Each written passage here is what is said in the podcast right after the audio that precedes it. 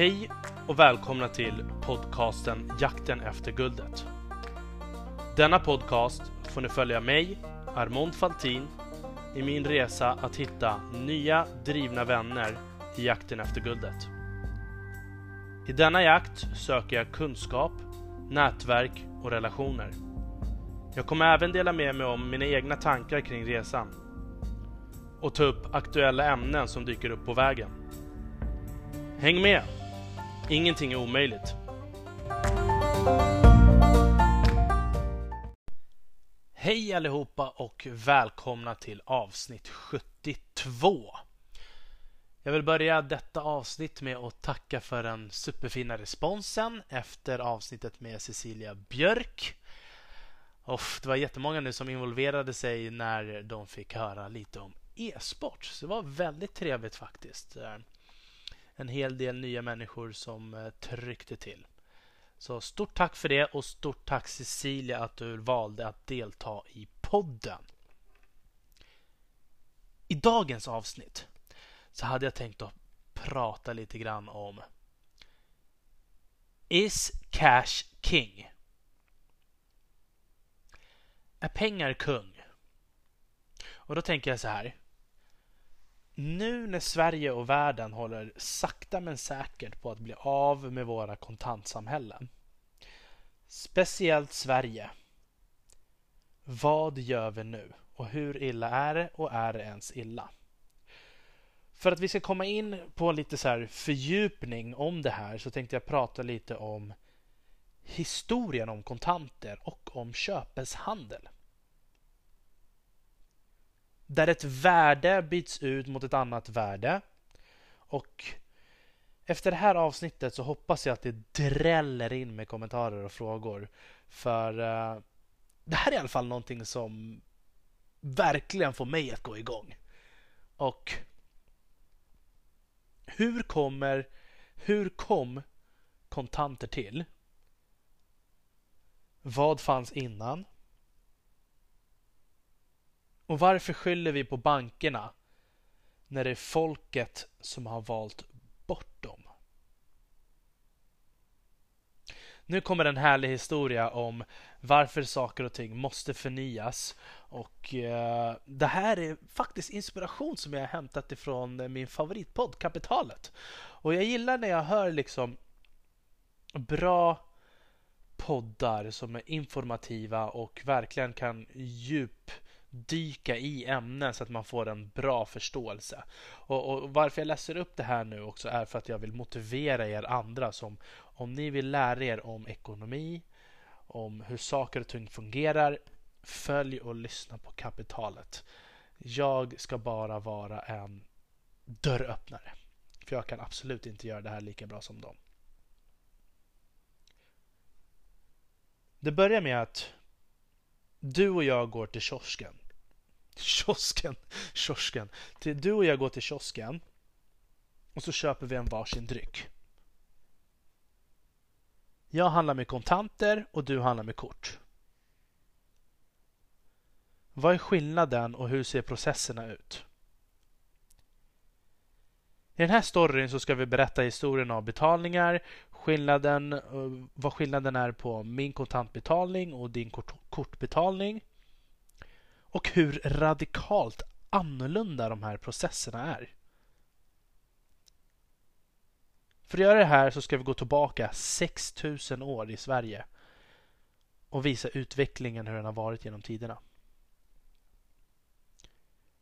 Vi har egentligen aldrig varit särskilt bra i historien med det här med just byteshandel. Därför att byteshandel förutsätter att två parter alltid vill ha det vad den andra har. Och när det är så så har det blivit väldigt mycket växlingskurser däremellan. Som att man byter får, ostar och skinnpälsar och annat för att liksom få det att väga upp.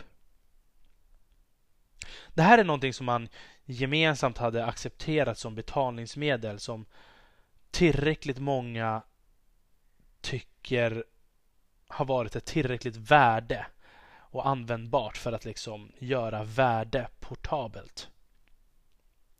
Det har varit någonting som var väldigt effektivt. Eh, att betala med skinn och ostar är väldigt ineffektivt. Så tänk så här.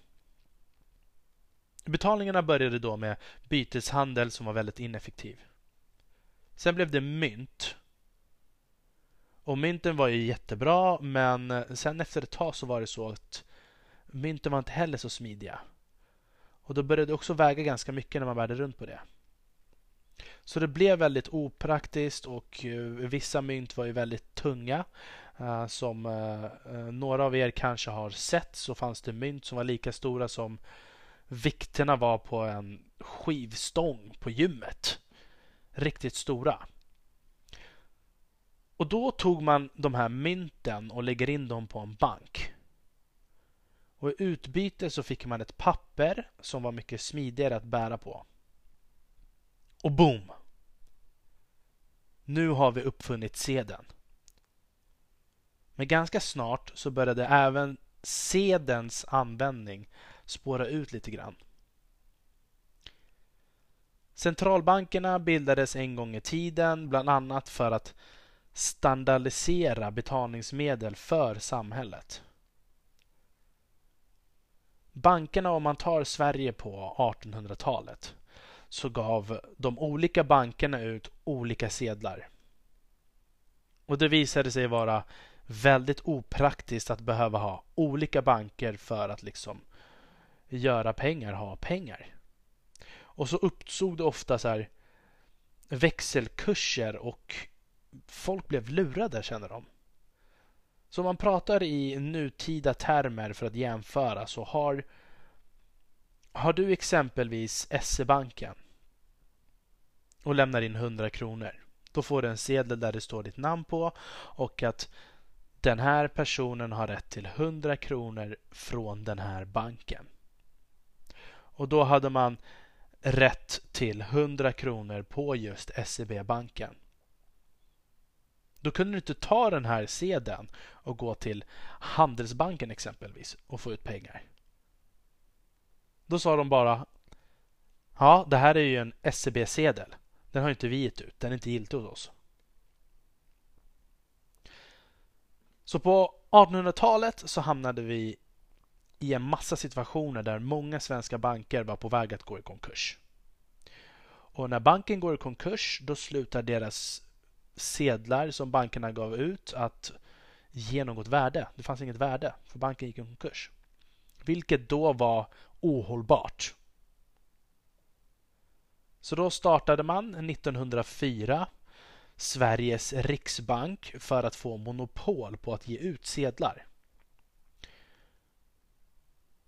Det kan man säga att gör man så här på många plan så hittar man ett nytt sätt att standardisera ett betalningssystem. Det är så att när man sätter upp en centralbank och erbjuder sedlar. Sen säger man att från statens sida det är den här typen av pengar som ni ska betala era skatter i.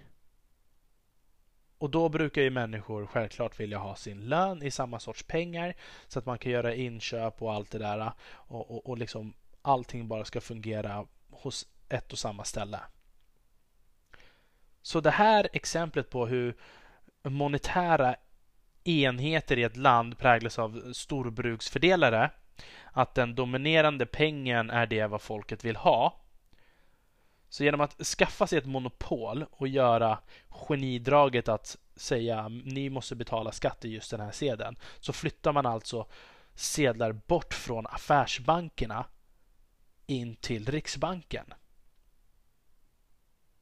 Och i gengäld så fick bankerna i uppdrag att hålla på med inlåning och utlåning. Så nu ger Riksbanken ut pengar och affärsbankerna får inte göra det längre men de får låna ut pengar och de får också låna pengar. Låna in pengar. Affärsbankerna får se till att folk har konton. Och sånt kommer inte Riksbanken hålla på att dela med utan det får affärsbankerna hålla på med. På så sätt så kan man känna att det där var väl helt okej. Okay. Och det är ungefär lite där vi är idag. Både ja och nej. För mellan sedelmonopolet och idag, de senaste åren, så har det hänt väldigt mycket. Ett bra sätt att tänka på betalningar med tanke på vad som har hänt de senaste åren är att tänka på pengar som en uppfinning. Att pengar är världens bästa uppfinning. Pengar är en teknik, en innovation, en lösning för att överföra värde mellan människor eller mellan företag eller mellan företag till människor. Och då är det ju, om man tittar på kontanter, så är det ju liksom en fantastisk uppfinning. Du skapar en papperslapp och sen den sedeln bär på en mängd olika saker. Den är utgiven av en stat. Så du har en sedel som är en fordran på staten. Så om du har en 500-lapp i din hand så innebär det att svenska staten är skyldig dig 500 kronor. Och det är en skuldsedel egentligen som svenska staten innehåller. I den meningen så är det en teknisk lösning på hur vi överför värde mellan olika aktörer. Och här är vi framme vid min betalning som betalade kontant för drycken 15 kronor. De här 15 kronorna garanteras från svenska staten. Det är en skuld från svenska staten som kvarterskiosken accepterar. Och att bära runt på en skuld från svenska staten det är en ganska solid uppfinning. Men om man tänker på just det, en uppfinning, en innovation, så blir det också lättare att förstå att pengar det är liksom ingenting statiskt som bara liksom kommer vara för alltid. Utan snarare att det är en uppfinning som kommer att förbättras för att det gör i princip alla uppfinningar.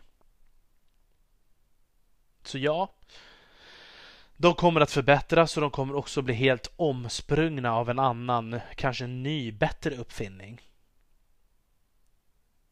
Som din betalning.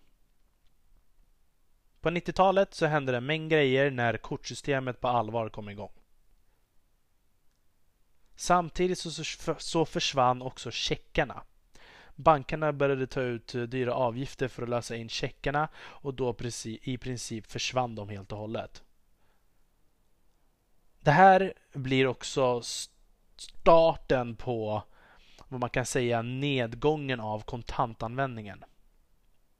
Det här innebär att du började använda kort eh, istället för kontanter. Och 2007 var ett viktigt år. För då är vad vi kallar att vi kom in i en cash peak. När kontanterna pikade som allra mest. 2007 så hade vi som mest kontanter i omlopp i svenska historien. Och efter det så inleddes en ganska kraftig nedgång mellan 2007 och 2017 halverades värdet av kontanter i omlopp.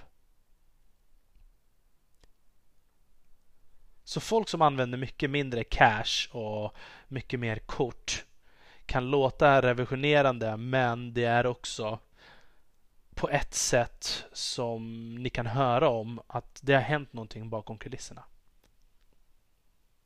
Som sagt, det finns massa olika sorters pengar. Det finns riksbankspengar och det finns affärsbankspengar. Pengarna som Riksbanken har gett ut och pengarna som affärsbankerna har gett ut. Och man har ju trott att Riksbanken har haft ett monopol på att skapa pengar. Men Riksbanken har monopol på att trycka pengar. Medan affärsbankerna skapar pengar elektriskt hela tiden. Så när du ska ta ett lån på en miljon och köpa en lägenhet då knappar de in på sin dator och skapar den här miljonen och sätter in den på ditt konto. Går du sen till en bankomat och tar ut pengar och då kan man säga att du har växlat de pengarna. då har du gjort affärsbankspengar till riksbankspengar. Så när du handlar med de här pengarna i en affär, då står det Riksbanken på de här pengarna som är kontanter. De är garanten på att dina pengar är värda någonting. Men nu har vi ett tekniskt system som gör att nästan alla som lever i Sverige idag har pengar på inlåningskonton hos en bank. Som omedelbart är tillgängligt för att kunna göra betalningar med kort och internetbank och Swish. Och vad betyder egentligen det här? Det betyder att nästan alla betalningar som görs i det här landet görs då med affärsbankspengar. Vi har liksom skippat steget med riksbankspengar. Så du kan ta från ditt inlåningskonto dina bankskapade pengar och betala med dem. På ett sätt är det något av en revolution. För om man tänker på vad pengar är, att det faktiskt är värt något för att vi har bestämt att det är värt någonting. En krona är en krona för att vi har bestämt det. Det är byggt på förtroende. Det går liksom inte att byta ut en krona mot guld eller någonting. Utan det är ett förtroende för att vi har bestämt att det är värt någonting och en viss summa. Ganska mycket av det här förtroendet är förtroendet för staten. Alltså Sverige som tar skepnaden Riksbanken. Men de facto så är det inte så många som använder Riksbankens pengar längre. Utan man använder dem hos affärsbankerna. Som med andra ord har förtroendet för, för valutan från Riksbanken hamnat hos affärsbankerna. Man kan säga att staten abdikerade sig från kontrollen i början på 2000-talet. Man kan ju undra om det här var en medveten sak eller om det bara mest har det blivit så. Och där är svaret nej. Staten tänkte inte riktigt och förstod inte riktigt vad det var som skulle hända uh, med att vi skulle vara där vi är idag, att kontanter i stort sett är borta. Och det är också bevisat med det här eh, sedelutbytet som vi hade eh, med sedlar runt 2014, 2015, 2016. Det var ett beslut som fattades 2007 och 2008 när kontanter var som absolut mest rullande i Sverige. Då tänkte man vi kommer behöva lansera nya kontanter då vi är i mycket större behov av kontanter. Och så tog det ett antal år innan de kunde föra in det av olika skäl. Så beslutet som fattades 2007-2008 så tänkte man att det kommer alltid finnas en stor efterfrågan på kontanter en lång tid framöver. Men då tog staten de togs lite på sängen där och var inte beredda på den här snabba nedgången av kontanter. Riksbanken själva säger att det inte finns någon dokumentation på att de hade planerat för någon nedgång. Men det blev uppenbart när Swish-appen etablerades 2012 då behovet för människor minskade att ha kontanter eh, för att göra betalningar mellan varandra. Som exempelvis eh, du går till en bankomat och tar ut pengar så att du kan ha dem om du ska dela på en nota eller om ni har köpt en present till en kompis. Då swishar man idag. Då går det snabbt och enkelt. Du behöver inte ta ut pengar längre. Anledningen varför vi är där vad vi är idag är att teknologin möjliggör och förenklar en teknisk väldigt enkel lösning. Och svenskar är ganska kända för att använda nya metoder och nya tekniker ganska snabbt. Titta bara på hur väl infrastrukturen i Sverige har fungerat på det. Så summeringen av det här samtalet är att idag är det och det finns två sorters pengar. Affärsbankspengar och riksbankspengar. Men nu använder vi inte riksbankspengar längre. Det betyder att om jag tar ut pengar och ska ge dem till någon efter en lunch så vill ni typ inte ens ta emot de pengarna. Då kanske ni säger någonting liknande. Ladda mobilen för helskotta. Sluta vara så tekniskt fientlig. Precis som vissa butiker inte heller tar emot kontanter längre för det blir också några extra steg i hanteringen. Om det fortsätter på det här sättet och att staten försvinner från betalningsmarknaden helt. Då blir förtroendet från för kronan den kommer att ligga mer i bankernas händer än hos staten. Man kan ju säga så här, ja staten har gjort dumma grejer ibland men banker gör också dumma grejer ibland. Typ som tvätta pengar i Baltikum och sånt som händer ibland. men då kan man ändå känna att den här grejen är ändå ganska lite risky. Alltså att valutans värde är händer på massa olika banker. Det här alltså råkar bli så utan att samhället har tagit ett beslut om att det ska vara så. Men sen ska vi också komma ihåg att det delvis har drivit på av oss, befolkningen. Medborgarna i landet. Så det politikerna har gjort är att man har låtit marknaden avgöra. Bankerna har inget intresse av att ha kontanter. Butikerna har inget intresse av att ha kontanter. Så vi har delvis bestämt det här demokratiskt. Vanliga människor vill heller inte ha kontanter. Men staten har ändå inte helt abdikerat från marknaden. Utan de har ju fortfarande en insättningsgaranti av riksbankspengar.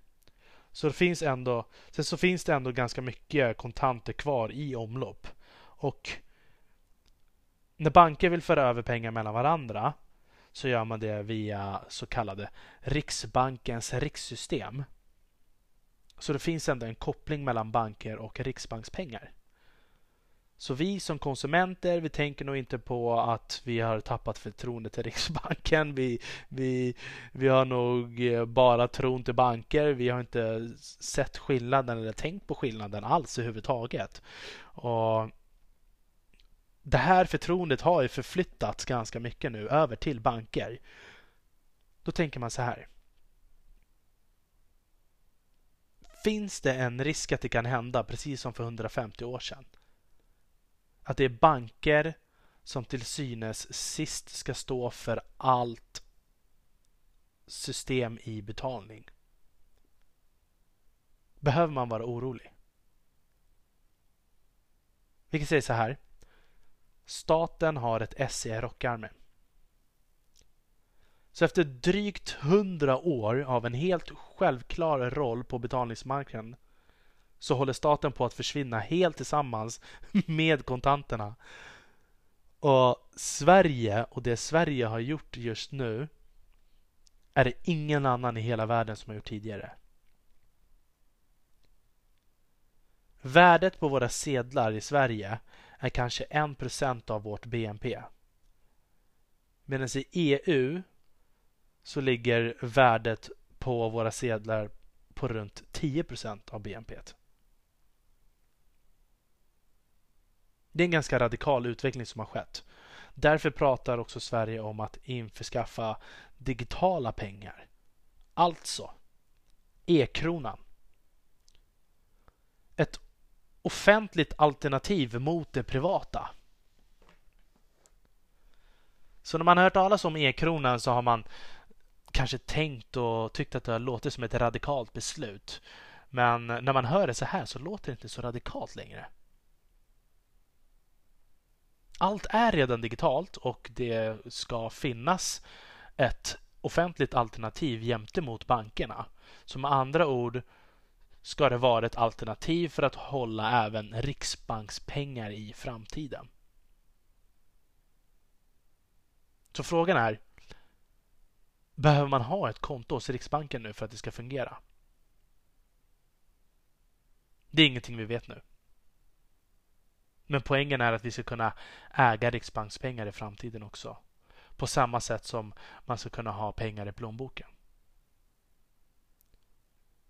Det finns inget klart svar på det här eftersom lösningen inte är klar än. Om det ens ska utformas.